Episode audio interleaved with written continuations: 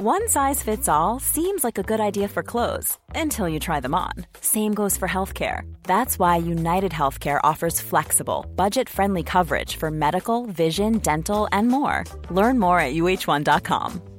Burrow's furniture is built for the way you live. From ensuring easy assembly and disassembly to honoring highly requested new colors for their award winning seating, they always have their customers in mind. Their modular seating is made out of durable materials to last and grow with you. And with Burrow, you always get fast, free shipping. Get up to 60% off during Burrow's Memorial Day sale at burrow.com slash ACAST. That's burrow.com slash ACAST. burrow.com slash ACAST. There's never been a faster or easier way to start your weight loss journey than with PlushCare. PlushCare accepts most insurance plans and gives you online access to board-certified physicians who can prescribe FDA-approved weight loss medications like Wigovi and Zepbound for those who qualify. Take charge of your health and speak with a board-certified physician about a weight loss plan that's right for you. Get started today at plushcare.com slash weight loss. That's plushcare.com slash weight loss. plushcare.com slash weight loss.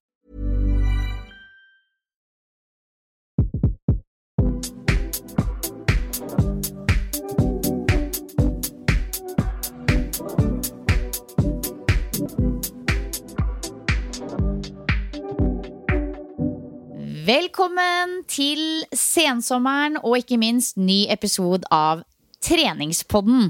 Vi er klare som aldri før til å angripe en ny runde med podkast, og det gledes. Det blir veldig bra. Sa du episode eller episode?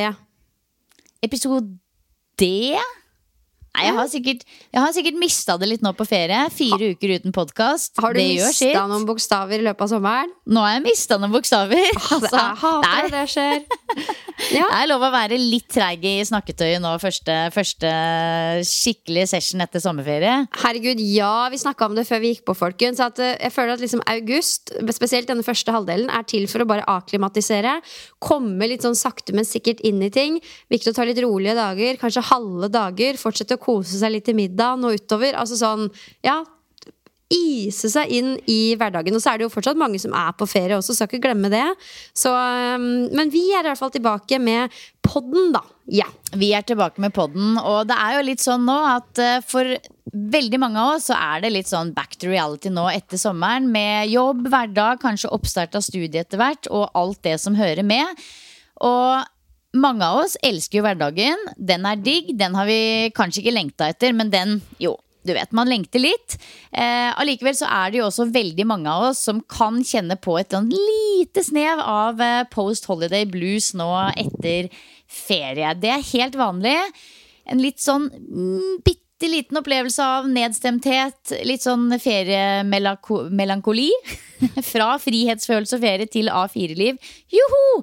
Eh, det er helt naturlig å kjenne det sånn. Eh, og hvorfor den perioden som vi er i nå, kan oppleves som litt sånn flat og kanskje litt til og med litt tøff for noen. Og hvordan vi kan møte høstens eh, utfordringer på jobb, trening og ellers med digg guts og masse vitalitet, det skal vi jo snakke mer om i dag. Ja, absolutt. Noen ganger når jeg har ferie, så tenker jeg sånn åh, det hadde vært digg å ikke vært et treningsmenneske på den måten at det, det er ikke det at man går rundt og tenker konsekvenser og styrer og ordner når man har ferie, men når du er opptatt av trening og helse, så har du alltid en del av deg som liksom er sånn Jeg gleder meg til treningene mine og rutinene mine og kommer litt tilbake til det. Det må være deilig å være en sånn som ikke har noe forhold til det, og bare sånn trøkke fem is om dagen og er sånn Woohoo, wish this could go on forever. Ikke at jeg ville vært den personen, men hvis du skjønner, når man drar på ferie, spesielt over lang tid, så er man alltid litt sånn dette er supersmooth, men det blir digg med rutiner. Og så driver, man å veksle fram og tilbake, spesielt på tampen, da.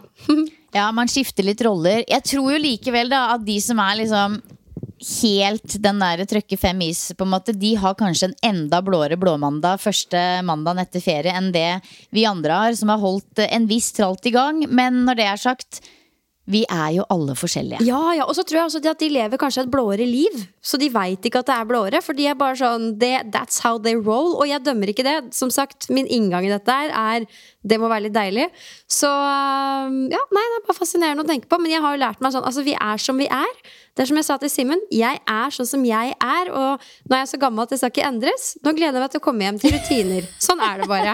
Men Ja, ja, jeg han er litt at det- mer sånn Det er deilig å bare ha ferie, men det har nok også litt med jobbhverdagen vår å gjøre, da. Ja, og det er jo veldig sånn interessant egentlig å observere innenfor husets eh, fire vegger hvor eh, ulike man er, og forskjellig man på en måte takler den der overgangen fra ferie til hverdag. Fordi det er jo alltid en som henger litt mer med huet enn den andre. Eh, men da må vi være flinke til å munte hverandre opp. Men hvis jeg Altså, Vi har jo ikke hatt tid til å snakke sånn kjempemye sammen, verken i ferien eller nå før vi skrudde på opptaket, Pia. Og hvis jeg har tenkt riktig, så tror jeg at du har vært ferie, feriepia i sommer. Ja, altså om jeg har vært feriepia. Og det var jo et tydelig mål når jeg gikk inn i, inn i dette her. Jeg hadde liksom Tonje som vikar et par uker, og det var ikke måte på.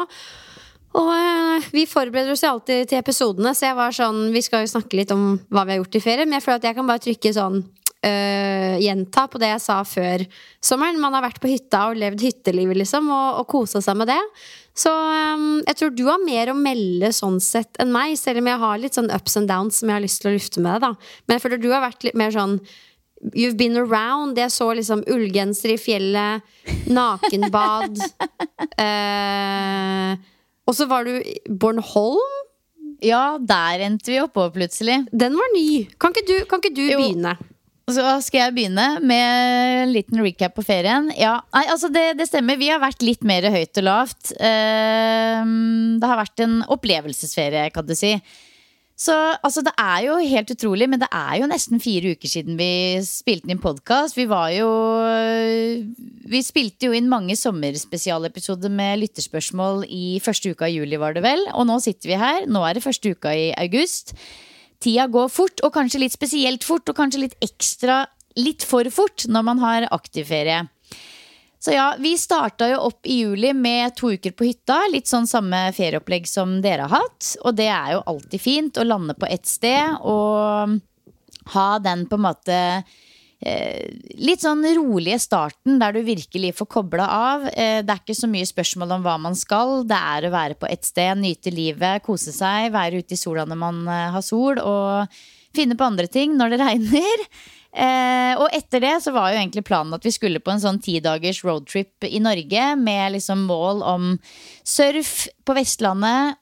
Og det var i grunnen nøye planlagt. Vi hadde til og med pakka bilen med lavvo og liggeunderlag og soveposer og var liksom klar for det. Og så bare så vi at, vet du hva, dette går jo ikke. Vi, altså, man kan tenke seg til at liksom, å, det skal bli nydelig. Sove i telt i fem-seks netter med, med, med, med øsregn. Det går fint så lenge man har gått med klær og sånn. Men Det kunne jeg at aldri tenkt. Men det er sikkert noen som er så sjuke i huet at de tenker det, ja. Nei, og det var litt der vi var òg. Vi var sånn her, vi skal være sporty i denne norgesferieprosjektet vårt, men eh, det er måter på hvor sporty man kan være. Så vi tok en skikkelig sånn U-sving og bare bestemte oss for å litt spontant reise til Bornholm, der hvor jeg har en god venninne som har etablert seg. Hun bor der med mann og barn på en gård med masse hester og Helt sånn nydelige omgivelser.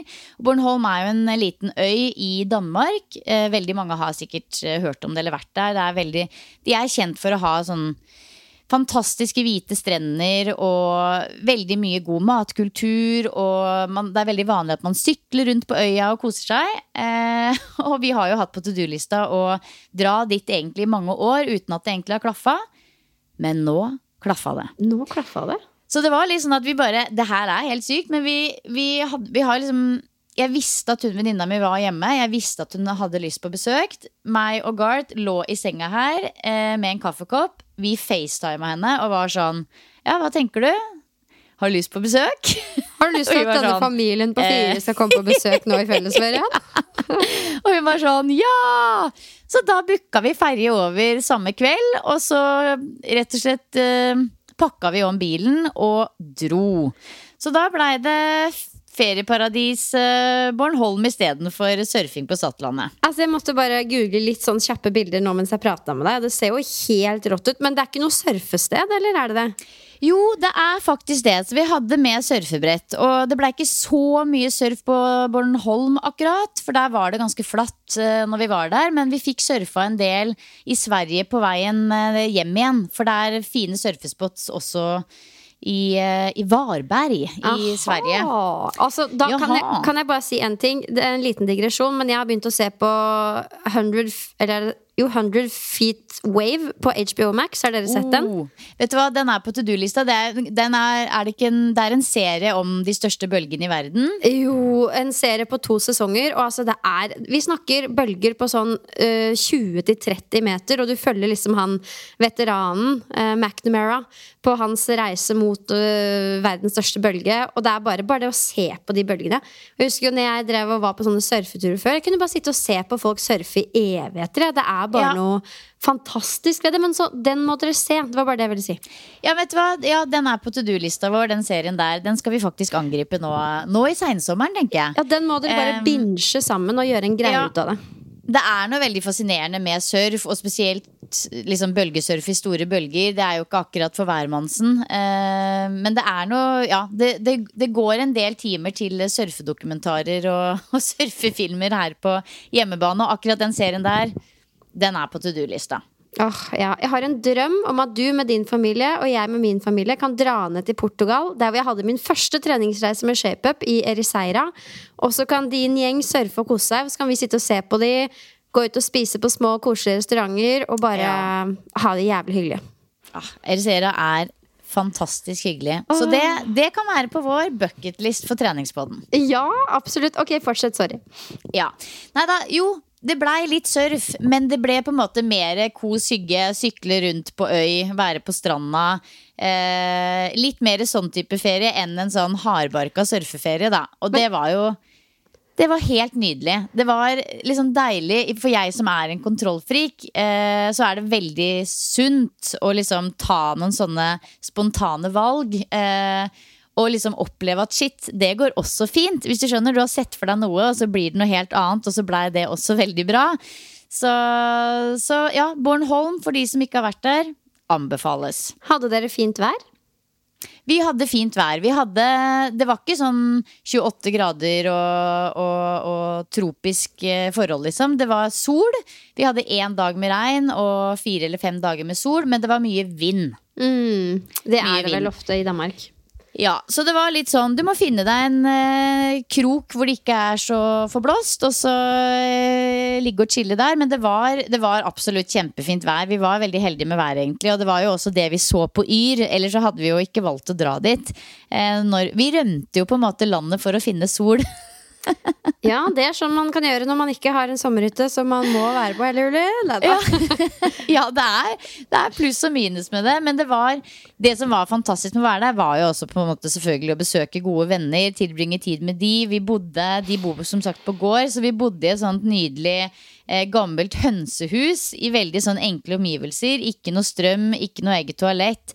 Rett på naturen. Våkna opp med hester på utsida av vinduene, masse kaniner. Altså, ja. Det var, eh, det var en opplevelse i seg selv. Så vi var jo alle fire veldig fornøyd med valget om å dra dit. Eh, og det var jo da inne i uke tre med ferie, og så har vi nå vært eh, en god bolk på fjellet, både på Geilo og i Rauland og rett og slett bare vandra godt og godt og godt og godt. Prøvd å liksom bestige litt eh, topper her og der og bevega oss mye. Så jeg kjenner at korsryggen min og hoftene mine Vi kom hjem seint i går kveld. I går gikk vi Gaustatoppen. Det var liksom siste dagen. Og hoftene mine og ryggen min er kjempestive. Og det er sånn Det er ikke ofte jeg liksom kjenner på sånn og ekte stivhet. Men det, det, er sånn når jeg hopper ut av bilen og har sittet i bilen et par timer, så må jeg liksom Du vet når du liksom må kjøre i gang systemet. Litt sånn er jeg i kroppen. Den er ny for deg, som vanligvis er liksom yogadamen som bare smyger deg rundt fra det ene stedet til det andre. Ja, jeg ser ikke veldig smidig ut. Så ja, Nei, så siste uka det har vært på fjellet, og det fortsetter for øvrig litt inn i denne uka her. Vi er hjemme. Mannen er nå tilbake på jobb, eh, ordentlig nå, fra og med i dag. Og så har jeg og ungene et par dager hjemme nå før vi skal til Valdres på yogafestival, så da blir det helt sikkert enda mer eh, vandring i fjellet der. Og når den uka er over, da er det hverdag med to streker under. Jeg bare, jeg du, kan ikke, du kan ikke spole så fort over det. Du kan fortelle mest når du har vært der, da. Men jeg syns det er veldig artig. Jeg prøver å se for meg at jeg setter Sylvester i bilen og er sånn Nå skal vi på yogafestival sammen. Eh, bare sånn forklar kort hvordan det funker. Fordi for mange så er vel liksom det å gjøre yoga, finne ro, ikke synonym med å liksom ta med barnet sitt. Nei, altså det er første gangen jeg gjør dette her, jeg også. Men så jeg kommer sikkert til å sitte med litt mer eh, inside information når vi spiller neste uke. Men det er jo da en, en festival på Nøsen fjellhotell, der hvor jeg har vært eh, en gang tidligere, men da alene. Som har da en festival der hvor tanken er at man kan komme som familie, ta med barn. Det er morgenyoga, det er kveldsyoga, der hvor det på en måte er litt sånn barnepass i gåsetegn. Der hvor ungene gjør én aktivitet mens foreldrene gjør yoga. Og så er det også mye aktiviteter på dagen, som bl.a. familieyoga, barneyoga og sånne type ting. I tillegg til masse annet. Det er hesteridning, det er boksetimer, det er eh, trampoline, det er vandring i fjellet, hopping i elva og fra fosser. Og, altså, programmet er sånn Det ser så fantastisk gøy ut. Å, så gøy. Og veldig sånn Kompani Lauritzen-stemning. Du vet, Det er liksom noen sånne konkurranser og ja. Så jeg tror dette blir midt i blinken for oss, og det blir på en måte det aller siste vi gjør. Det er litt sånn kirsebæret på toppen av eh, feriedesserten vår. Eh, og etter det så er det hverdag, og jeg gleder meg til å dele mer om opplevelsen vår på Nøsen neste uke, for jeg har en, eh, har en sterk følelse av at det kommer til å bli kanskje det beste ferieminnet. Men, men vet, man skal jo ikke gå inn med ferie med store forventninger, for da kan det bli nedtur. Da kan det bli nedtur, Men jeg, jeg, jeg mistenker at det blir veldig veldig gøy. Og jeg gleder meg til å høre. Det er jo, jeg liker veldig godt tanken på å gjøre sånne ting med, med barnet mitt sitt. Og jeg vil jo være den personen, så det blir veldig spennende å høre hvordan du syns det er. Nå er jo dine kids ganske mye eldre enn min. Jeg tror kanskje at Sylvester hadde vært litt liten. Men jeg har hatt noen veldig gode opplevelser med han den sommeren her òg. Eh, når det kommer til også fysisk, fysisk aktivitet, så liksom Jeg ser det for meg langt der framme. Ja, det er akkurat det. Og det er jo nå, det er også liksom på, i, i ferier, og kanskje spesielt på sommeren når man har ekstra lang ferie, at man blir litt ekstra eh, på og bevisst på at barna faktisk har blitt ganske store. Sånn, man får noen sånne aha-øyeblikk da i hvor mye de faktisk får til, og hvor mye de klarer, og hvor mye de eh, Hvor mye felles man kan gjøre som alle syns er gøy. Så ja, nei da. Det har vært en, en absolutt en begiven... Be, be, altså en, en ferie med mange store begivenheter, men det er jo også liksom pluss og minus med det. Det er eh, det store minuset føler jeg er at tida går altfor fort når man fyller kalenderen sin kanskje litt for mye.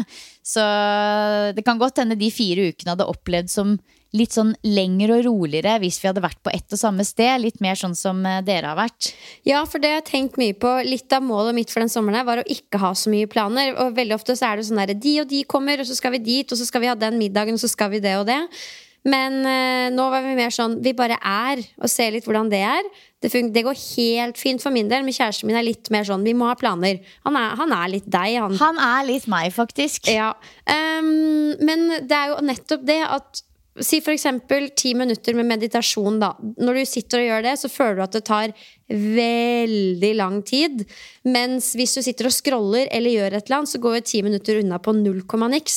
Og det jeg mener med det bare at tid er veldig sånn øh, relativt. Altså sånn Hvis du roer ned og er til stede, så får du mye, så mye mer ut av tiden enn om du prøver å liksom fylle den med masse greier hele tiden. Det er ikke noe gærent i det heller, men som jeg sa til Simen, la oss bare prøve å være sammen og liksom gripe dagen sammen, framfor at én skal det, én skal det, én skal det, og så møtes vi på sofaen i kveld. Sånn som vi gjerne gjør hjemme, da. Og Så- hvordan har det gått? Du, det har gått veldig bra. Vi har vært mye sammen. Noe som har vært veldig sånn bra for oss. Men hvordan har det vært for eh, introverten Pia? Eh, altså Jeg kjenner jo at det er uvant å ikke ha mine faste timer med sju timer alenetid hver dag. men Jeg er jo blitt spesiell, men, eh, men det går overraskende greit. Altså. Dette er jo folk jeg i utgangspunktet liker å henge med. Altså mannen min og barnet mitt. Så da føles det givende. Jeg kjenner jo samtidig at jeg trenger den treningsøkta. øh, Få gått meg en tur, sånne ting. Men eh, alt i alt så har det gått veldig fint. Veldig, veldig koselig, rett og slett.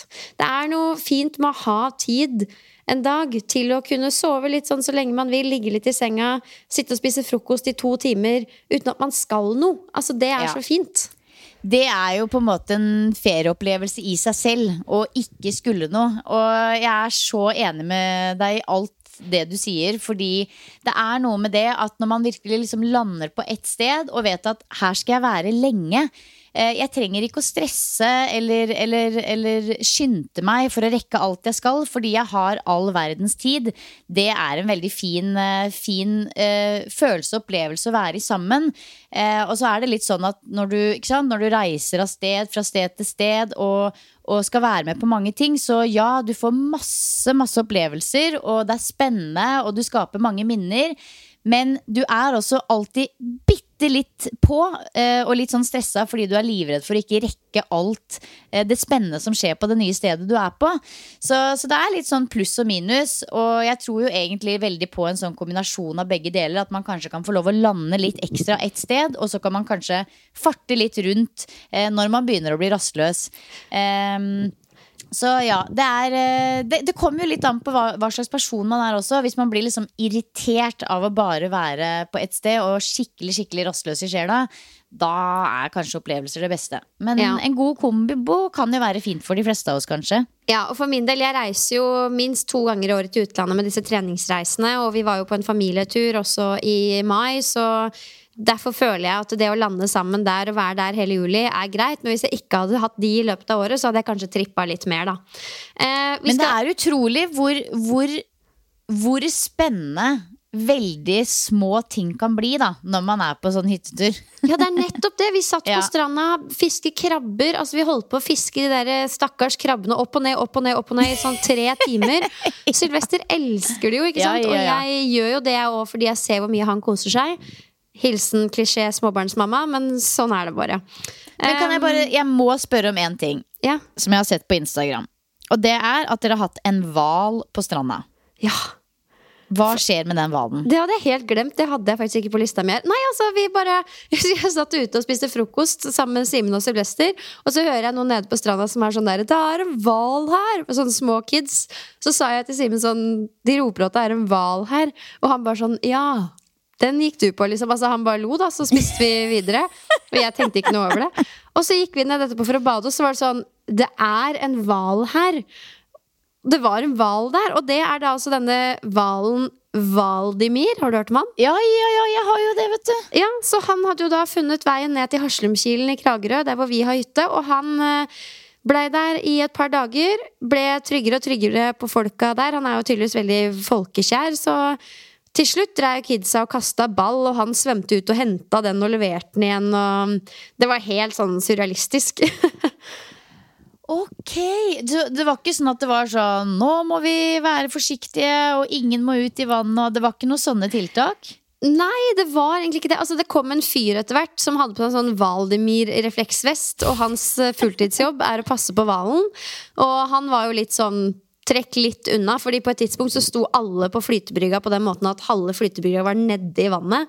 Det var litt sånn sketchy. Eh, men eh, nei, lite advarsler og sånn. Altså, det er tydelig at de er ganske trygge på at den hvalen er eh, snill. Men det er klart, man skulle ikke drive og klappe den altfor mye, og fordi det er jo et vilt dyr, så du vet jo aldri. Ja, det der, det må jo ha vært eh, noe som satte inntrykk Eller som gjorde inntrykk på, på dere på ferie. er Ja. det noe annet som er litt sånn Dette husker jeg aller best fra ferien. Jeg tenkte, jeg, Vi skal gå gjennom, og da, men da må vi tørre å svare litt sånn kort og konsist. Eh, hva er det du kommer til å huske best fra ferien? Å, herregud. Eh, vi hadde en opplevelse på Bornholm som var en litt sånn uh, Jeg for å si ja, jeg skal prøve å forklare det kort, men jeg uh, var den som da skulle tvinge hele familien på fam familieyoga. Ikke det at det var verdens vanskeligste jobb, men jeg var sånn I morgen tidlig så skal vi på morgenyoga på stranda. Den starter klokka åtte, og alle skal være med. Og de var sånn ok, vi er med, og trøtte i trynet, og vi kom oss av gårde litt seint. Vi er egentlig alle sammen veldig glad i å være tidlig ute, men det var da liksom 1,5 km til stranda, og vi var tidsoptimister. Så det endte jo da opp med at vi liksom sto opp, og bare måtte løpe ned til den yogatimen, som er litt sånn kjip, stressende start på dagen. Alle var litt sure, og så var selvfølgelig yogatimen mye lenger opp på stranda enn det vi trodde, så da ble det en ekstra spurt opp der. Kom opp akkurat når timen begynte. Eh, og var da de som kom for seint på yoga. I tillegg så hadde vi glemt å ta ut penger, så vi hadde liksom en sånn god miks av euro, danske kroner og norske kroner. Så jeg så at yogalæreren ble ganske irritert. De andre som var der, var ganske irriterte. Så det starta liksom med sånn makspuls. Alle var sure. Irritasjon. Jeg var flau. Det starta der. Eh, og da var det sånn Det er en dårlig start, liksom. Og så var det sol, jeg kjente pulsen roa seg. Jeg var sånn ok, nå er vi her. Nå er vi her. Ah, Vi gjør yoga. Og så gikk det fra sol til pøsregn på et kvarter. Det var sånn, det var ikke litt regn, det var sånn tropisk storm hvor det bare liksom bøtta ned. Så det var, det, så det var så mye regn at det var som å stå i en dusj. Iskaldt. Og da var det litt sånn stemning sånn Hva gjør vi nå? Skal vi være på yoga? Mens hun yogalæreren var jo bare sånn We embrace the rain, we embrace the sun, we embrace nature, we embrace summer. Og så blei det bare en sånn greie at det gikk fra liksom sånn Hva gjør vi nå? Til at alle hadde helt syk latterkrampe. Sånn vill latterkrampe. Altså det var sånn vi så ut som våte katter. Vi sto og skalv. Og vi måtte jo bare høre på hva yogalæreren sa. Så gikk fra sånn derre Fra liksom sur, stressa stemning til å være klissvåte og i et veldig godt humør etter timen. da Og så hjem, spise frokost, ta på seg varme klær. Sola skinte selvfølgelig igjen da. Det er et sånt minne som jeg tror eh, vi kommer til å huske veldig godt. så det tror jeg har vært liksom sånn ja, En av egentlig mange da, opplevelser som har vært sånn Den husker vi, liksom. Den morgenen der. Herregud, det er gøy. Sånn kan man ikke planlegge, vet. Nei, det er akkurat de tinga der som man ikke kan planlegge. Så, så det var en uh, nedtur i oppturen for vår del der. Uh, ja, hva med deg?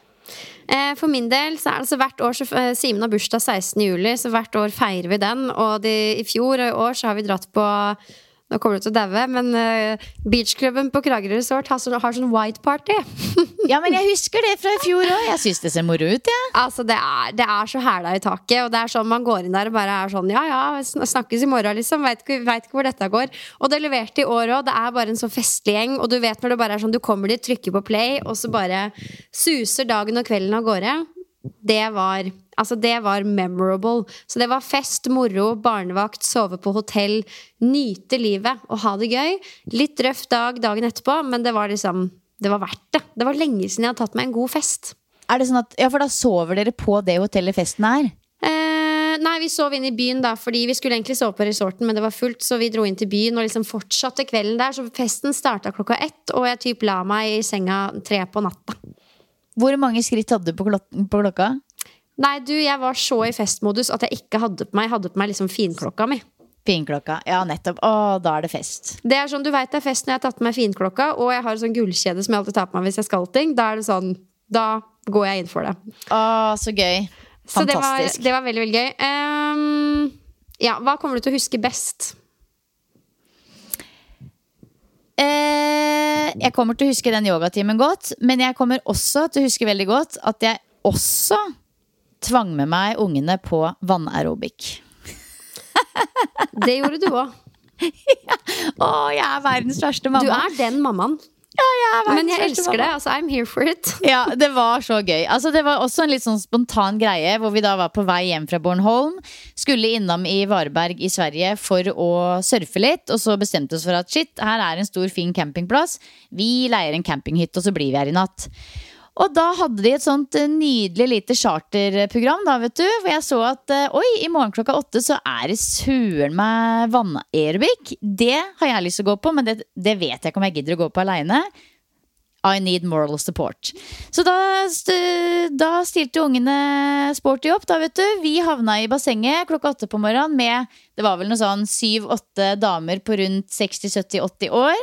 Eh, det var ei ung, ung svensk snelle som sto på enden av bassenget og kjørte vannaerobic. Og jeg hadde jo da på forhånd sagt sånn Altså, dette varer jo ikke lenge. Det er, det er sikkert bare 20 minutter, halvtime. 60 minutter med vannaerobic var det, Pia. Fy fen. Det var seigt! Og det var, jeg tuller ikke nå, bare svenske hit. Det var Carola, det var ABBA, det var Angels Crying. Og selvfølgelig Øs pøs regn der også. Hva ellers? Og det som var fantastisk da, var jo da at jeg sto der med ungene, vannaerobikk, eh, og så kom mannen smygende for å gjøre sin eh, daglige surfcheck ned på stranda for å sjekke bølgene.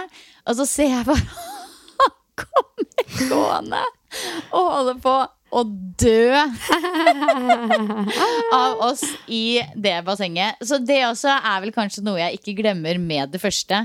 Eh, Vannaerobikk. Eh, men, men altså det, nå drar jeg bare fram sånne rare ting. Vi har jo gjort veldig mye normale, fine ting også. Eh, fine turer Ja, ja, og ja, ja, ja, men nakenbad i det kalde tjern. Og, Men det er Men du det her som er gøy å høre om. Det er de rare tinga som på en måte Det er jo det man husker best. på en måte Det er de, det er de rare tinga man ikke trenger å ha på kamerarullen. De husker man uansett. på en måte Alle de fine, flotte øyeblikkene og mestringsfølelsen på toppen av et fjell og sånn. Det må man på en måte ha på kamerarullen. Men e sånn eh, vannaerobikk og eh, strandyoga i øspøsregn, det, det er i, det er i minnet i hodet. Men det er det som er at det er når man gjør sånne aktiviteter som, ikke, som du ikke ville gjort aleine vanligvis. Liksom Bli med på sånne ting, gjerne ledet av andre, så får du sånne morsomme opplevelser. Det er derfor det er moro å være med på gruppetimer andre steder. Teste ut ting, komme i kontakt med mennesker på deres arena. For da liksom kan alt skje. Åh, jeg vet. Alt kan skje. Det er det som er det, det spontane. Det er jo det spontane. og Jeg må lære meg til det. Det er gøy med struktur og planlegging, men det er jo det er i det spontane at magien skjer veldig, veldig ofte. Ja, innimellom Ja. Mm. Eh, for min del eh, så er det Jeg tror jeg kommer til å huske den sommeren her som den hvor Altså Å ha en liten baby og et lite barn Det er veldig sånn krevende på den måten at alt går på barnets premisser. Og det er koselig, alt det der, men det er jo også litt stress. Man føler ikke at man har ferie nødvendigvis når man er med en eh, ett og et halvt-åring som går, men ikke skjønner noe av å gå. Eh, Men i år så føler jeg liksom at Sylvester var litt mer sånn Han er blitt mye mer selvstendig. Han er jo snart fire år, og liksom Han er blitt en litt mer sånn del av gjengen, og vi kan gjøre ting som både jeg liker, Simen liker og han liker, liksom sammen. Sånn som du og gjengen har det, men selvfølgelig på en helt annen måte, fordi jeg er mye større. Um, han ville blant annet være med på løpetur flere ganger, så vi var liksom på en liten løpetur alle tre. Du vet jo, da jeg vet du, jeg løp, løp i bakskjær og grein omtrent, for jeg syntes det var så koselig. Um, så jeg tror det er det jeg kommer til å huske. Det var den ferien hvor vi alle Jeg følte at jeg fikk tilbake litt den gamle meg på ferie på den måten at jeg kunne lese litt bok og Ja. Ja, mm, du veit. Og alle de tinga der med å liksom samle gjengen, gjøre ting sammen som alle setter like stor pris på, det kommer i større og større grad. Virkelig. Ja. Og så må jeg avslutte med nedturen. Det er viktig å være litt negativ på tampen Ja, her. kom med det. Kom for, med det. for jeg, vi, snakket, vi podda jo, da lagde vi alle disse sommerspesialene. Og jeg vet ikke om jeg, jeg tror jeg sa til deg at jeg hadde så sykt vondt i hodet.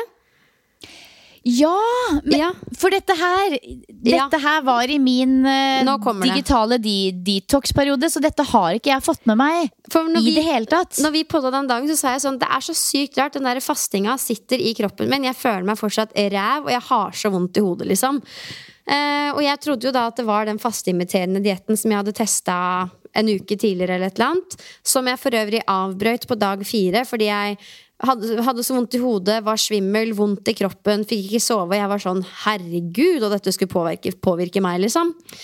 Eh, men til slutt, altså dagen etter at vi hadde spilt inn, så var jeg hos mamma og pappa. Da ble jeg liksom så dårlig at jeg var sånn Nå må jeg ringe legen.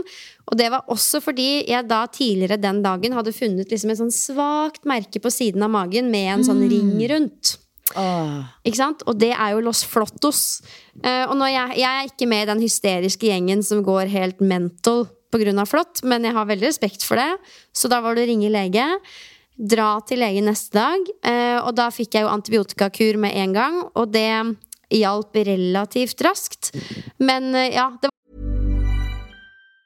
Ever catch yourself eating the same flavorless dinner three days in a row? Dreaming of something better? Well, HelloFresh is your guilt free dream come true, baby. It's me, Gigi Palmer. Let's wake up those taste buds with hot, juicy pecan crusted chicken or garlic butter shrimp scampi. Mm. Hello Fresh.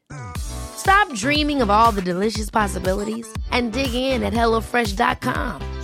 Let's get this dinner party started. Burrow is a furniture company known for timeless design and thoughtful construction and free shipping, and that extends to their outdoor collection. Their outdoor furniture is built to withstand the elements, featuring rust-proof stainless steel hardware, weather-ready teak, and quick-dry foam cushions. For Memorial Day, get 15% off your Burrow purchase at burrow.com slash ACAST and up to 25% off outdoor. That's up to 25% off outdoor furniture at burrow.com slash ACAST. Quality sleep is essential. That's why the Sleep Number Smart Bed is designed for your ever evolving sleep needs. Need a bed that's firmer or softer on either side? Helps you sleep at a comfortable temperature? Sleep Number Smart Beds let you individualize your comfort so you sleep better together. JD Power ranks Sleep Number number 1 in customer satisfaction with mattresses purchased in-store. And now, save 50% on the Sleep Number limited edition Smart Bed for a limited time. For JD Power 2023 award information, visit jdpower.com/awards. Only at a Sleep Number store or sleepnumber.com. var en liten nedtur å gå inn i ferien med liksom så ræva form, og ikke minst det å gå på antibiotika. Så det Ja. måtte bare nevnes. Um, og så testa jeg jo, når jeg var hos legen og fikk antibiotika, om det faktisk var flott. Man kan jo aldri være helt sikker. Men det er ikke mulig å se alltid før det har gått minst seks uker fra man har fått det flåttbittet. For det er da man begynner å se de antistoffene. Så jeg skal ta nye prøver til høsten for å se om det var det. Men øhm, det var da altså ikke nødvendigvis den fasten som gjorde at jeg ble helt tilbakestående, holdt jeg på å si. Det var veldig fælt ord å bruke, men sånn helt Du skjønner? Ja, ja, satt, satt ut. Ja, satt ut. Det var rett og slett at jeg var skikkelig skikkelig dårlig pga. et flåttbitt. Mest sannsynlig. Så det er litt sånn Å, fy søren. Det er skikkelig heftig. Og når du sier liksom den hysteriske gjengen, så kan jeg si at jeg, jeg er ikke helt det, jeg heller, men jeg er det litt. Uh, jeg er litt hu hysteriske med de flåttene. Akkurat der vi har hytte på Nøtterøy, der er det sinnssykt mye flått. På den ene løpeturen jeg var på nå i sommer, så, så kom jeg tilbake med tre flått. Og absolutt alle fire, og spesielt ungene, de har fått flått flere ganger. Bare på de to ukene vi var der. Og det er jo ikke det at flått i seg sjøl er så farlig, men de bærer jo på en del virus som kan potensielt fucke opp nervesystemet vårt resten av livet. Så når folk forteller meg at de har tatt eh, flåttvaksine, eller flåttvaksine, ja, vaksiner, så har jeg all verdens eh, respekt for det, egentlig. Jeg har veldig stor forståelse for at man gjør det, for det er jo et forebyggende tiltak i det å potensielt kunne bli ekstremt syk livet ut. Eh, og det er sånn, Vi er jo bare på ferie i det området, men jeg kan med en gang si at hvis jeg hadde bodd der, så hadde jeg tatt flåttvaksine.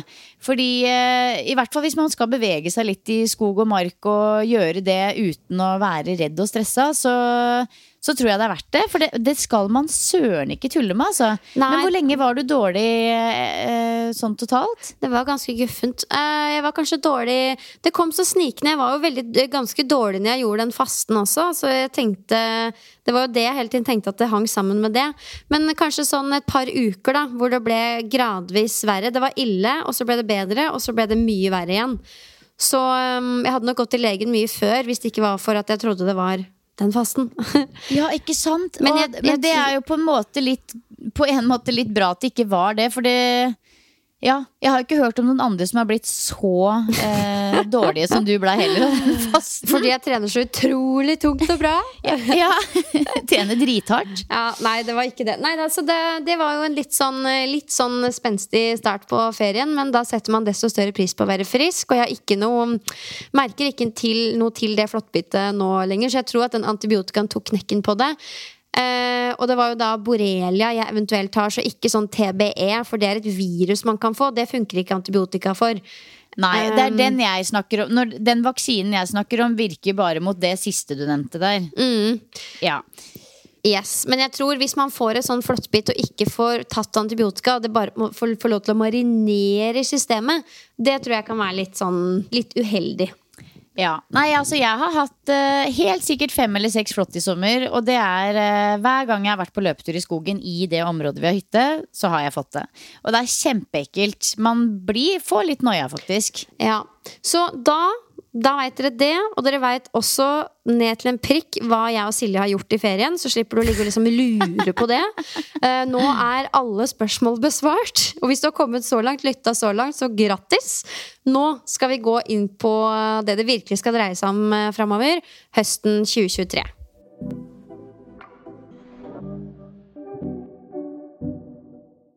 Altså, Strategier for å møte hverdagen igjen. Det høres jo litt uh, fjasete ut. Litt flåsete ut. Det er jo et klassisk ilandsproblem, dette her med denne post holiday uh, blues syndrome. Men det er samtidig et reelt uh, problem for mange, faktisk. At man går og liksom henger litt med huet i den tida vi er inne i. Nettopp fordi ferien er over.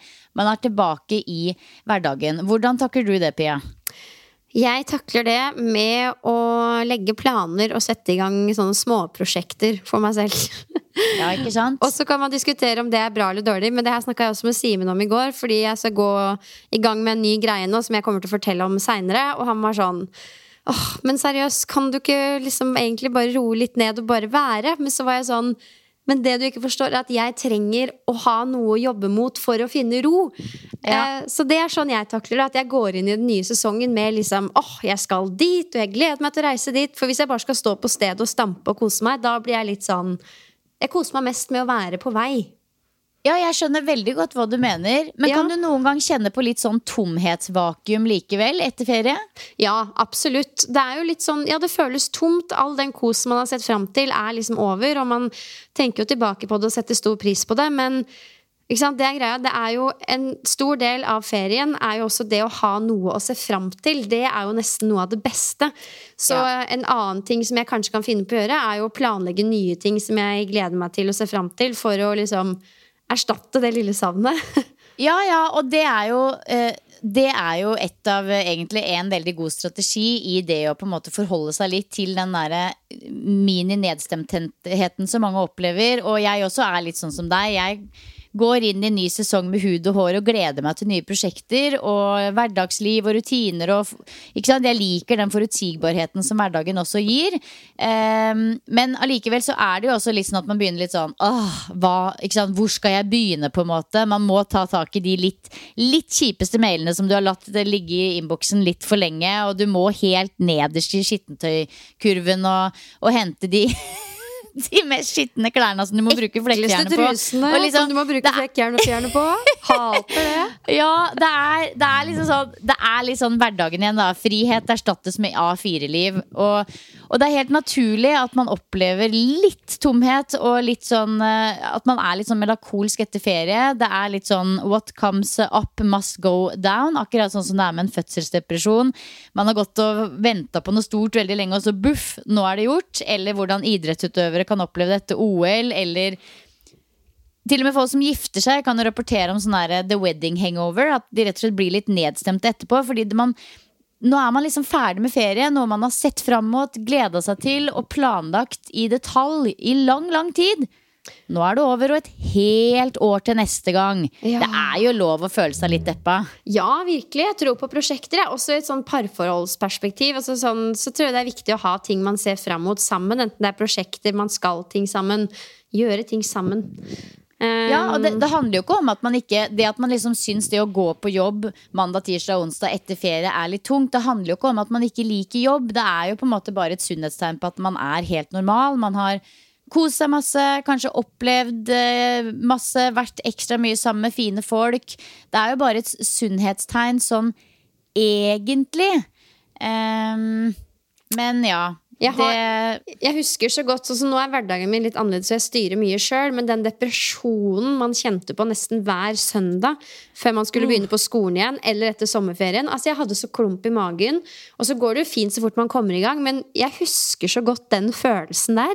Så de som har den, det er jo en del av livet, det òg. Det er ikke alle som liksom digger jobben sin. I Nei. feel you. Og det tror jeg faktisk Det er et veldig godt poeng. Jeg tror veldig mange som kan kjenne på post holiday eh, blues Det handler mye om at man Det, liksom det vanskeligste er faktisk å Med å begynne på jobben etter sommerferien, er å gi bort friheten sin og la noen andre bestemme hvordan du skal legge opp dagene. Mm. Eh, men fortvil ikke, vi har selvhjelpskittet for deg som opplever dette. Vi Det fins gode strategier. Ja, ja, Ja. Ikke tenk på det.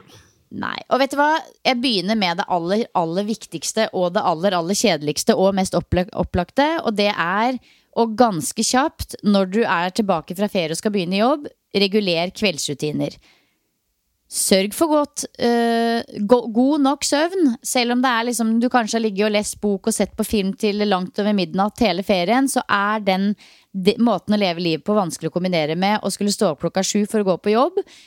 Og mangel på søvn påvirker emosjonelle reaksjoner, mental kapasitet, og hvis du har en tilstand av nedstemthet, så forverres denne hvis du ikke sover nok. Så det er på en måte kanskje det mest kjedelige, men likevel det mest opplagte og viktigste. Reguler kveldsrutiner asap etter ferie. Ja, jeg er helt enig. Samtidig så i gudstjeneste i går så snakka vi om at vi skal begynne å være litt lenger oppe sammen. Fordi det er veldig hyggelig, det òg. Vi har vært så veldig flinke til å legge oss tidlig før ferien, men det har opphørt litt nå når vi har hatt ferie, og det har liksom vært veldig koselig. Ja. jeg, jeg tror etter det HRV-kjøret hvor jeg var veldig inn i det, jeg var veldig sånn styrte unna alt som påvirka søvnen, nå er jeg litt mer sånn, vet du hva, fuck it, jeg gidder ikke å la søvnen styre hvordan jeg skal leve livet mitt. Eh, Så jeg er litt ute og kjører jeg nå. Jeg må litt tilbake til liksom the middle ground. For nå ligger jeg og scroller på kvelden og er helt maniac. Så mm, men ja, en gyllen middelvei, det, det, der har vi det jo best sånn emosjonelt og fysisk sett. Så jeg er helt med på den. Ja, og det er jo enklere sagt enn gjort. Og selv om man vet dette aldri så godt, så er det Jeg skal ærlig innrømme at i går, det var en av de tinga vi kom liksom kasta inn her i går kveld med masse bager og sure sokker som hadde vært på tur tre dager på rad. Vi hadde med altfor få, alt for få sokker på, på, på siste del av ferien, så vi måtte liksom vrenge de den siste dagen når vi gikk til Gaustatoppen. Altså, det lukta høgg i den bilen. Kom hjem, kjøleskapet var tomt. Og da kjente jeg på litt grann sånn der Sunday, litt, litt sånn søndagsblues, jeg også. Og da handla det mye om det. At jeg tenkte sånn åh, det jeg har mest lyst til nå, det er å ta meg en dusj og legge meg i senga og lese bok. Jeg har vært veldig på sånn romankjør i sommer. Og så bare kjente jeg at men det kan jeg jo ikke, for i morgen så er det faktisk et lite snev av hverdag. Jeg skal opp og trene tidlig. Jeg skal gjøre sånn og sånn. Jeg må forberede treningspodden. Jeg må få, få et ordentlig dypdykk i innboksen min. Ikke sant? Og da kjente jeg på et sånn lite stikk av sånn Åh, Nå var den delen borte, ja. Nå er hverdagen her. Så det er liksom noe med det at uh, det er Vi vet det jo, men det er vanskelig å gjennomføre likevel. Men prøv så godt du kan. Prøv så godt du kan. Ja, og begynn i det små. Um, tips nummer to fyll opp kjøleskapet med masse digg, sunn og næringsrik mat. Og gjerne så fargerikt som mulig. Det trenger ikke å være noe mer avansert enn det. Altså, Jeg kom hjem sent en lørdag. Søndag morgen så satte jeg Sylvester foran TV-en. Ja, det gjorde jeg. Og så tømte jeg hele kjøleskapet og skrubba det ned. Rubbel og bit. Og altså, det var så deilig. De som følger meg på Instagram, vet at det også var høyst tiltrengt. Men uh, rett og slett starte litt sånn på scratch i kjøleskapet. Kaste de dressingene som har stått der i fire år, som du tenker at de skal bruke, men du, som du aldri bruker. Bare få en litt sånn, ja, en fresh, fresh start.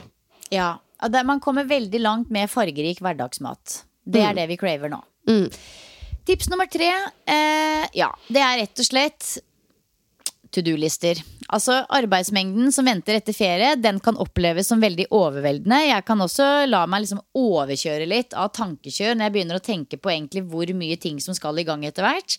Men ved å skrive gode to do-lister i prioritert rekkefølge, der hvor man kanskje til og med inkluderer litt sånn ukentlige målsetninger, Gir deg selv noen deadlines og kombinerer litt sånn, kall det kjedelige oppgaver med morsomme oppgaver på to do-listene hver eneste dag, så blir det mer fristende og enklere å ta tak i ting. Um, og alle to do-listene, det er veldig viktig, bør inneholde oppgaver som du også ser frem mot. En god kombo av kjedelig og gøy. Og hvis mulig så er det også veldig lurt, sånn som da jeg mistenker at du har gjort, Pia, at man setter av to dager med catch-up. Du kom hjem på lørdag, sier du. Du begynte jo egentlig ikke på jobb før i går mandag.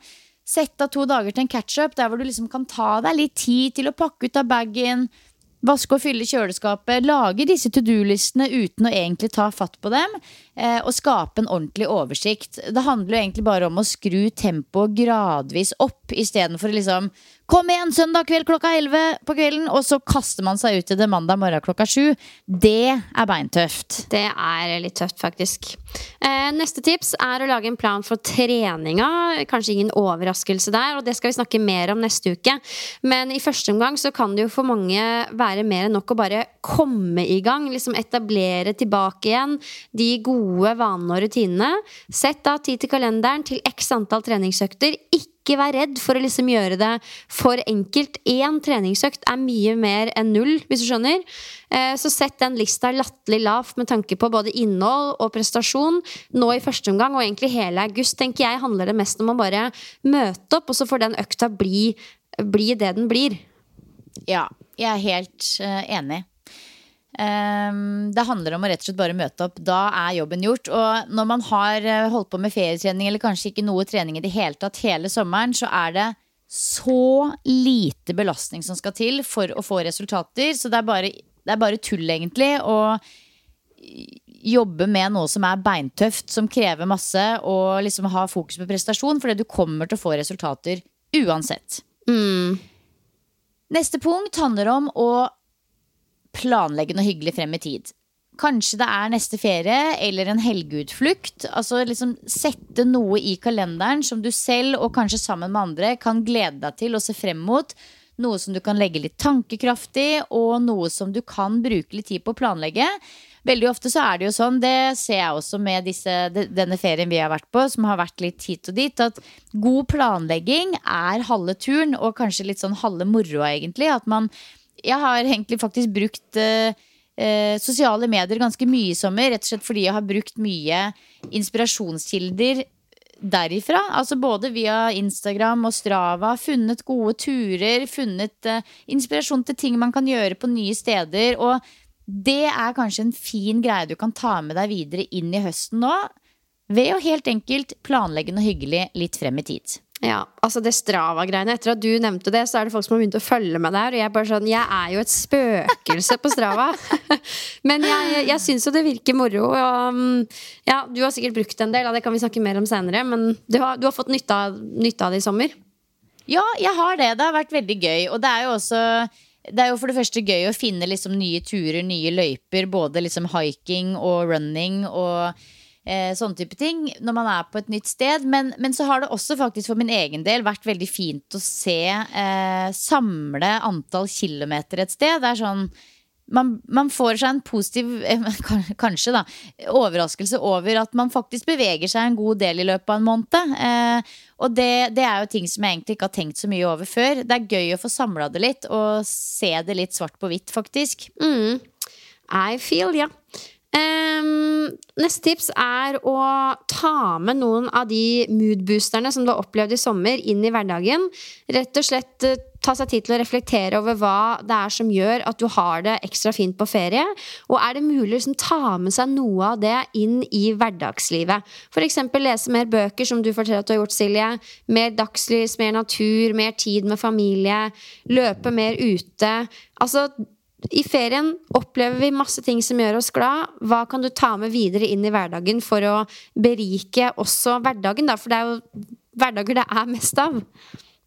Ja, helt enig. Prøve å forlenge feriefølelsen. Og det er klart at alt det som man gjør som er gøy på ferie, det har man ikke muligheten til å presse inn i et hverdagsliv. Men det å liksom ta med seg noen elementer av det Jeg tror de aller fleste, hvis man setter seg ned og tenker litt, hva er det som har gjort meg godt på ferie? Hva er det som har gjort at jeg har følt meg ekstra levende, glad? Er det noe der du kan ta med deg, f.eks. mer dagslys, som jeg mistenker de aller fleste setter stor pris på? Eh, se om det er mulig å bake det inn i hverdagen. Mm. Neste. Kommuniser med de rundt deg hvordan du har det. Hvis du er en av de nå som går rundt og liksom kjenner at du er umotivert eller stressa, nedstemt, flat, fortell det til de rundt deg. Prøv å sette litt sånn ord på følelsen. Hva er det du føler? Er du trist? Er du tom? Er du flat? Er du irritert? Er du nedstemt? Kommuniser med de rundt deg hvordan du har det, så blir det mye enklere å være både de og deg. Ja, det er en veldig fin øvelse å gjøre. Jeg trener jo stadig på å ta mer plass med følelsene mine, og det å bare være sånn, sette seg ned og bare sånn Nå føler jeg meg litt lei meg. Og det er fordi Altså rett og slett bare ta plass, sette seg ned med noen du stoler på, og fortelle hvordan du føler det, og legge opp til at du skal bli litt tatt imot. da.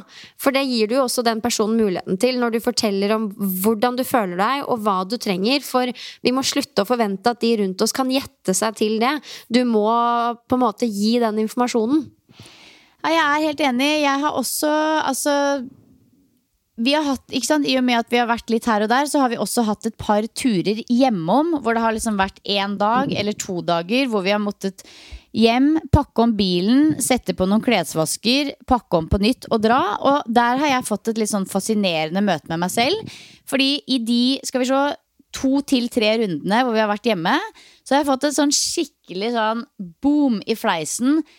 Det er som å slå på en bryter hos meg hvor jeg blir i dårlig humør. Mm. Eh, og, og det, jeg setter opp tempoet noe voldsomt. Fra å liksom være huset som kan flyte rundt og være fri og, og spontant på ferie, til å liksom komme hjem og plutselig forvente av alle de rundt meg og meg sjøl at alt skal være perfekt. Vi skal være effektive og produktive. Og hvorfor går du rundt i pysjamas nå? Klokka er elleve. Og jeg blir liksom Jeg blir en helt annen person. Så det har jeg også måttet liksom ta et lite sånn greie med meg sjøl. At liksom, ok, nå skal vi en tur hjem dere må liksom være litt tålmodige med, for da blir jeg litt sur. Jeg skal prøve å ikke bli det, men jeg blir ofte litt sur. og det er bare det at da, da, da, da, møter man seg sitt vanlige jeg. Da går man inn i liksom, den man er hjemme til vanlig, som liker å få ting gjort. Som liker å ikke bare slenge rundt. Da er liksom tid veldig, veldig, veldig Eh, kostbart, så den skal ikke misbrukes på å bare surre rundt. Nei. Og da blir jeg en sånn person som jeg ikke liker på ferie. Og det, det, har jeg måttet forklare til de rundt meg. Når det er sånn, Hvorfor er du så sur nå? Da må jeg liksom forklare at jo, nå er jeg liksom, tror jeg faktisk at jeg er sur og irritert bare fordi jeg er hjemme. Og forventer noe helt annet av meg selv og dere. Mm. Men det å bare si det, det hjelper. Ja, absolutt. Det hjelper, for da, da, kan de rundt deg forstå det mye bedre. Og det er ikke sånn at fordi du ikke har noen grunn til å være sur, så er det feil av deg å være sur. Du har all rett til å være sur og føle sånn som du føler det. Og så forhåpentligvis klarer de rundt deg å liksom ta imot også de vonde følelsene og det litt negative, da. Ja, så kommuniser med de rundt deg hvordan du har det. Og helt, helt til slutt, gi deg selv tid og aksepter at vi alle har kjipere perioder innimellom. Og perioden rett etter ferie, der hvor vi kanskje egentlig burde bobla overskudd, er ofte en litt sånn kjip periode for mange. Selv om det er et ilandsproblem, som det helt klart er. Så, så er det jo eh, en utfordring for oss eh, alle sammen, vil jeg tro. I større eller mindre grad, kanskje. Men det går over. Give yourself some slack. Eh, og du kan kanskje se på det som at det er liksom fra hva skal jeg si, post-holiday syndrome til post-holiday normalisering. Det er helt, helt normalt. Helt normalt. Jeg håper dere fikk litt ut av de åtte tipsene. Vi finner ikke opp hjulet på nytt, men jeg syns det er veldig nyttig å høre det igjen. Bare for å få en litt sånn clean, fresh, fresh start inn i um, den nye sesongen. Og helt på slutten så skal vi jo ta for oss ukas boost. Det er en spalte som vi har lyst til å fortsette med. Så altså, nå har man jo masse å velge da, Silje, men siden sist, hva er det som har gitt deg en ekstra boost?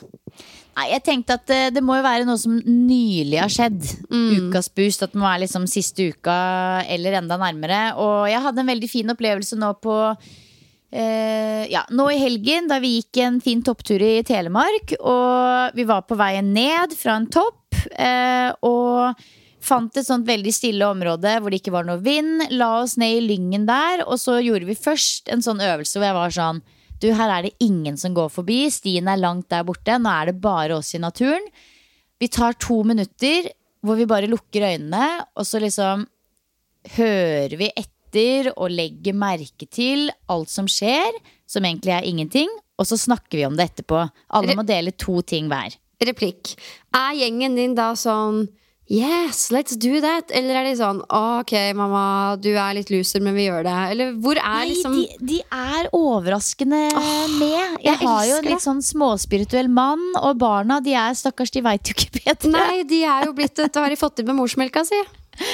Ja, nei, så Det begynte med det, at vi tok oss en sånn to minutter hvor alle da liksom skulle dele etterpå. liksom, Ja, jeg hørte en flue der, og jeg kjente, en, kjente litt uh, lyng som skrapa på leggen der, og jeg kjente sola som varma i ansiktet der. og Og det var rart å høre ingenting, lyden av ingenting, hva er det? ikke sant? Det kom jo mange sånne filosofiske spørsmål, så det var veldig fint. Men så bestemte vi oss bare for at vi tar en yoga nidra her i Lyngen sammen. Det gjør vi. Og det gjorde vi. Og det var altså så fantastisk. Og det var eh, Altså, alle var helt sånn avspent, og etter at eh, opptaket var ferdig, tenkte jeg sånn Nå er det rett før noen sikkert eh, slipper en fis for å være morsom, eller spretter opp, eller begynner å kile, eller et eller annet tulleball. Men da var alle bare helt stille etterpå. Åh. Lenge. Og det var, en, eh, det var en sånn ordentlig ordentlig ukas boost for min del. Veldig ofte så gjør jeg jo yoga nidraer i perioder. Jeg, for det første så gjør jeg det alltid alene. Så langt jeg ikke går på en leda time. Eh, men for det andre så er det jo ofte noe jeg gjør fordi jeg er sliten. Men det var liksom en sånn yoga nidra i overskuddsmodus. Det var litt an annen opplevelse. Så Jeg blir så inspirert på den måten. Jeg kommer aldri til å bli sånn og gjøre det, tror jeg. Eller hvem vet? Alt kan skje. Men eh, jeg tror man kan kjenne seg igjen i at det blir mye pad og skjerm i løpet av sommerferien. Og det er sikkert fælt, og sånn, men det blir i hvert fall litt det innimellom. Og da kom jeg over et innlegg på Instagram. Det var ikke sånn pekefinger, men det var mer bare for å gjøre oss foreldre bevisst på at veldig mye skjerm for barn, spesielt da i form av disse iPadene, det vender barna til en så høy dopaminutskillelse fordi det skjer ting hele tiden. De er så vant til at de blir så engasjert og stimulert at verden utenfor paden rett og slett blir ganske kjedelig. Og det er mye av grunnen til at barna blir sånn utålmodige og litt sånn nebbete og finner ikke helt ro i sin egen lek og i andre ting enn den skjermen, nettopp fordi de er vant til at det er der det er gøyest. Og det kan man jo skremmende nok kjenne seg litt igjen i som voksen òg. Noen ganger så er det man tenker sånn åh, jeg vil bare være litt på mobilen min, det er litt kjedelig å sitte her og prate. Så det er en så fin motsetning, det du kommer med, at du klarer å ta med barna inn i sånne opplevelser. For jeg tror det bare blir sjeldnere og sjeldnere og sjeldnere.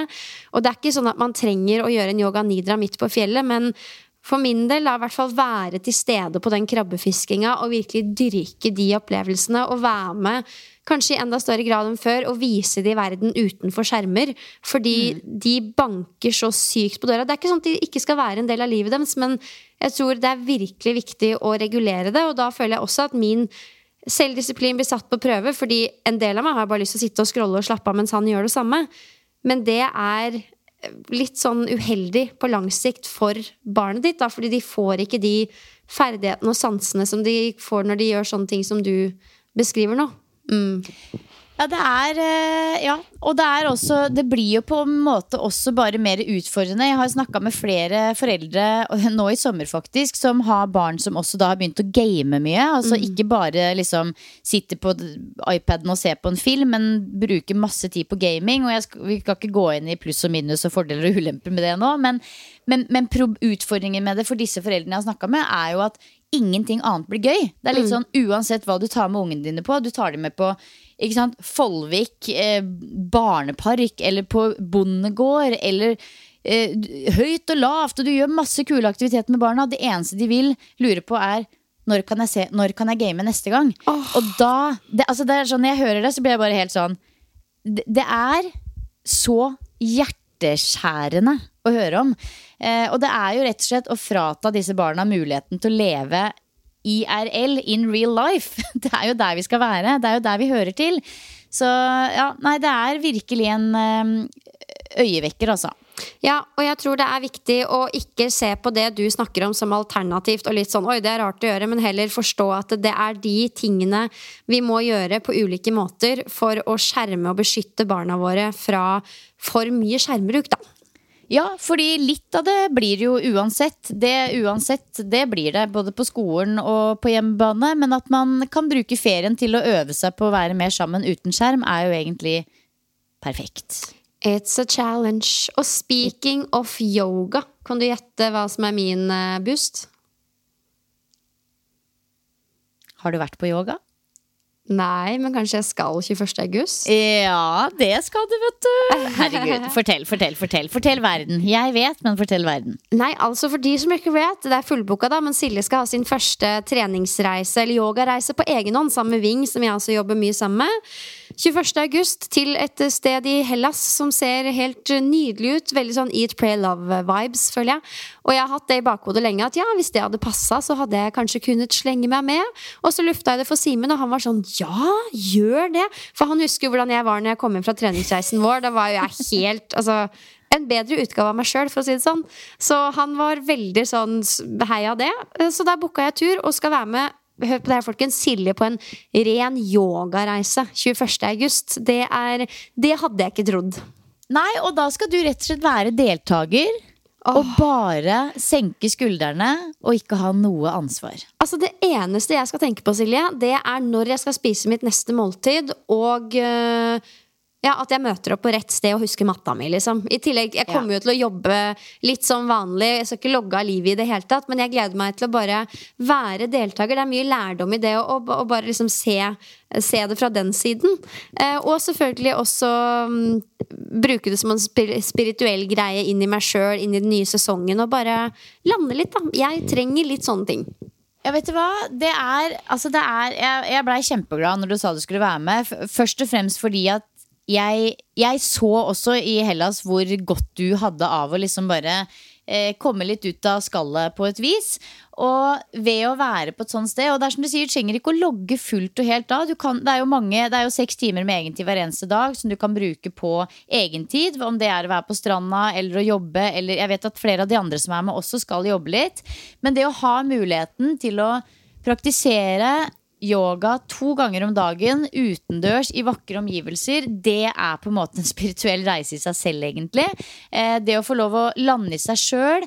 Eh, så vidt, altså selv for oss som liker å praktisere yoga mye, så er det jo en kamp i hverdagen å få til det å rekke å gå på én leda yogatime i uka. Det er i hvert fall sånn det er for min del. Det blir eh, da, er, da kommer du til en buffé med yoga. Alt er tilrettelagt for deg. Det er bare å møte opp, rulle ut matta og være. Mm. Og det Nei, vet du hva. Det, det, er jeg så glad for å høre. At du, skal, at du, at du setter som ukas boost også. For det også er jo en fin ting å se frem mot. Ja, det har, det har virkelig vært noe å se, å se frem mot. Så mm. det gleder vi oss til.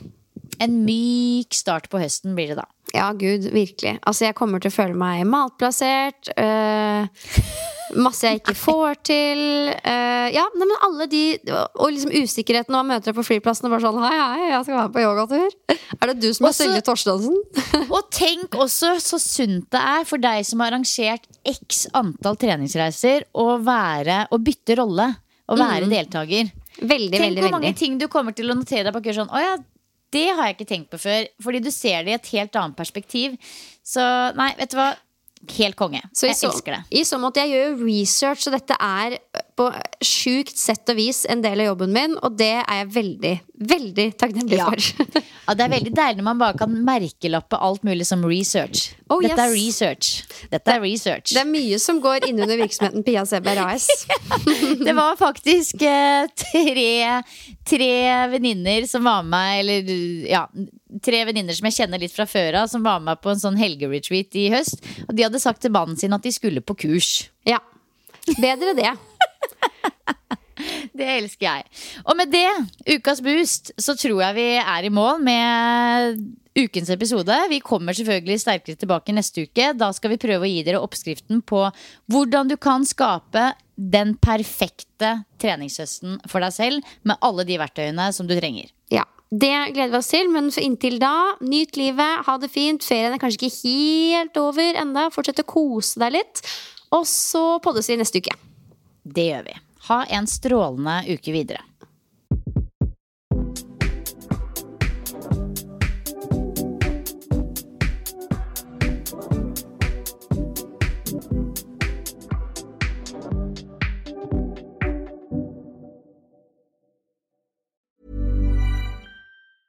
Even when we're on a budget, we still deserve nice things.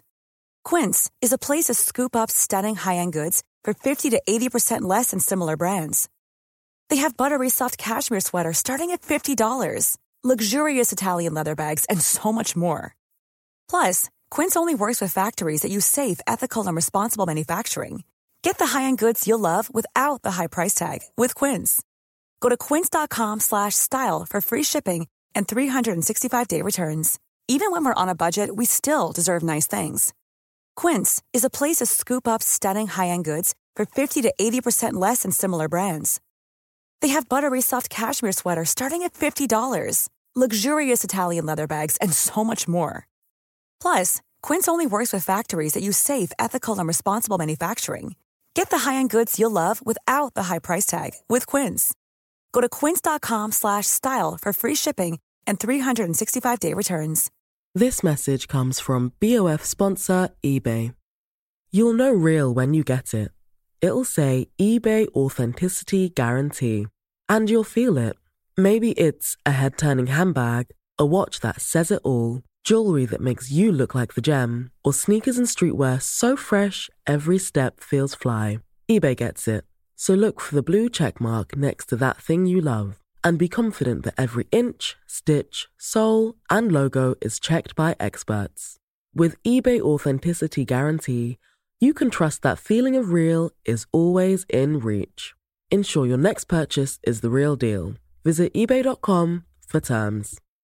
Imagine the softest sheets you've ever felt. Now imagine them getting even softer over time. That's what you'll feel with Bowl and Branch's organic cotton sheets. In a recent customer survey, 96% replied that Bowl and Branch sheets get softer with every wash. Start getting your best night's sleep in these sheets that get softer and softer for years to come. Try their sheets with a 30-night guarantee. Plus, get 15% off your first order at bowlandbranch.com. Code BUTTERY. Exclusions apply. See site for details.